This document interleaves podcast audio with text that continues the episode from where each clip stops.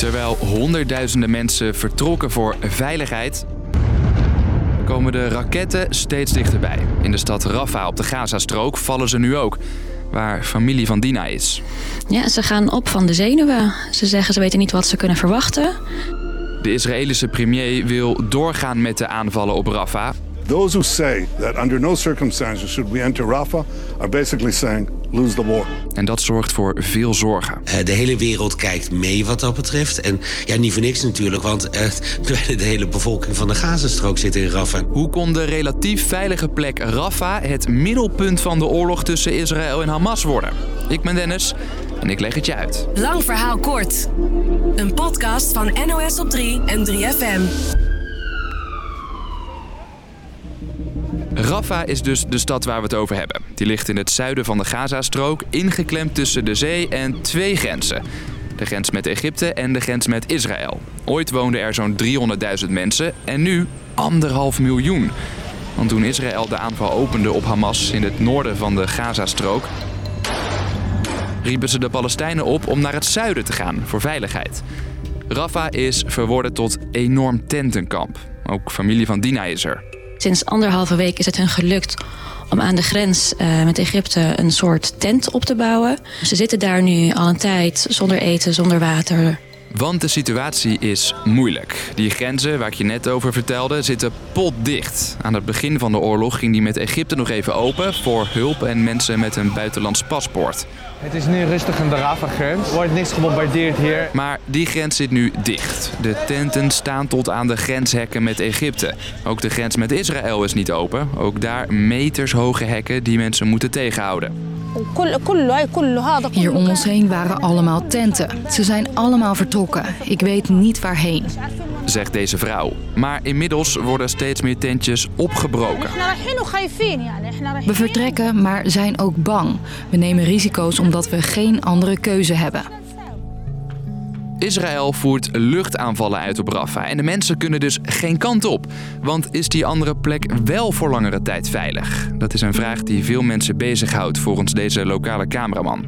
Some people are start to move to the middle area, but they will announce another time you have to leave from this area. De Palestijnen in de Gazastrook kunnen kortom geen kant op. Waarom kiest Israël er dan toch voor om Rafah aan te vallen? Victory is within reach. We're going to do it. We're going to get the remaining Hamas terrorist battalions in, in Rafah. Hamas houdt nog steeds Israëlische gijzelaars vast, ook in Rafah, waar twee gijzelaars werden bevrijd. En volgens de Israëlische premier Netanyahu is een aanval op Rafah de enige manier om Hamas uit te schakelen. Daarom volgden er aanvallen via de lucht, maar.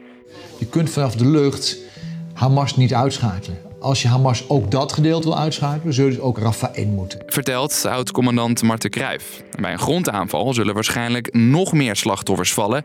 En dat zorgt voor kritiek van Amerika, de belangrijkste bondgenoot van Israël. Op het moment dat je nu daar wil aanvallen, zegt Biden tegen Israël, moet je er goed voor zorgen dat die mensen niet nu daar een risico lopen. Je hoort mijn collega, correspondent Sander van Hoorn.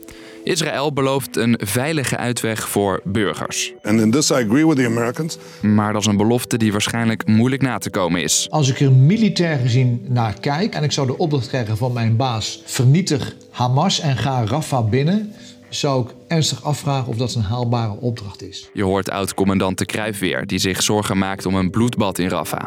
Als je vecht in huizen die van beton of van steen zijn, dan kun je nog het effect van granaten kun je beperken. Hier met tenten is het eigenlijk alsof je in de open lucht aan het vechten bent. En te, te zeggen dat mensen die er zijn, die hebben eigenlijk geen veilige plek om heen te gaan. We are very concerned about what is happening in Rafah. The situation is uh, very, very dangerous. And we are extraordinarily concerned about what can happen in there. En dus hoor je deze geluiden nu zo'n beetje overal. Zorgen over Rafah, van wereldleiders tot de Verenigde Naties.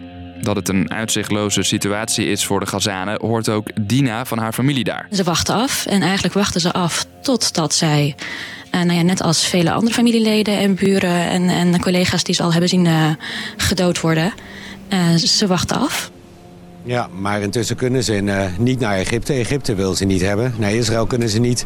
Zee kunnen ze niet op. Je hoort mijn collega Sander weer. Want Egypte is dus ook geen optie. Egypte heeft ook gezegd dat op het moment dat grote uh, uh, groepen Palestijnen naar uh, Egypte toe vluchten, dat zij dan dreigen die vredesakkoorden tussen Israël en Egypte op te zeggen.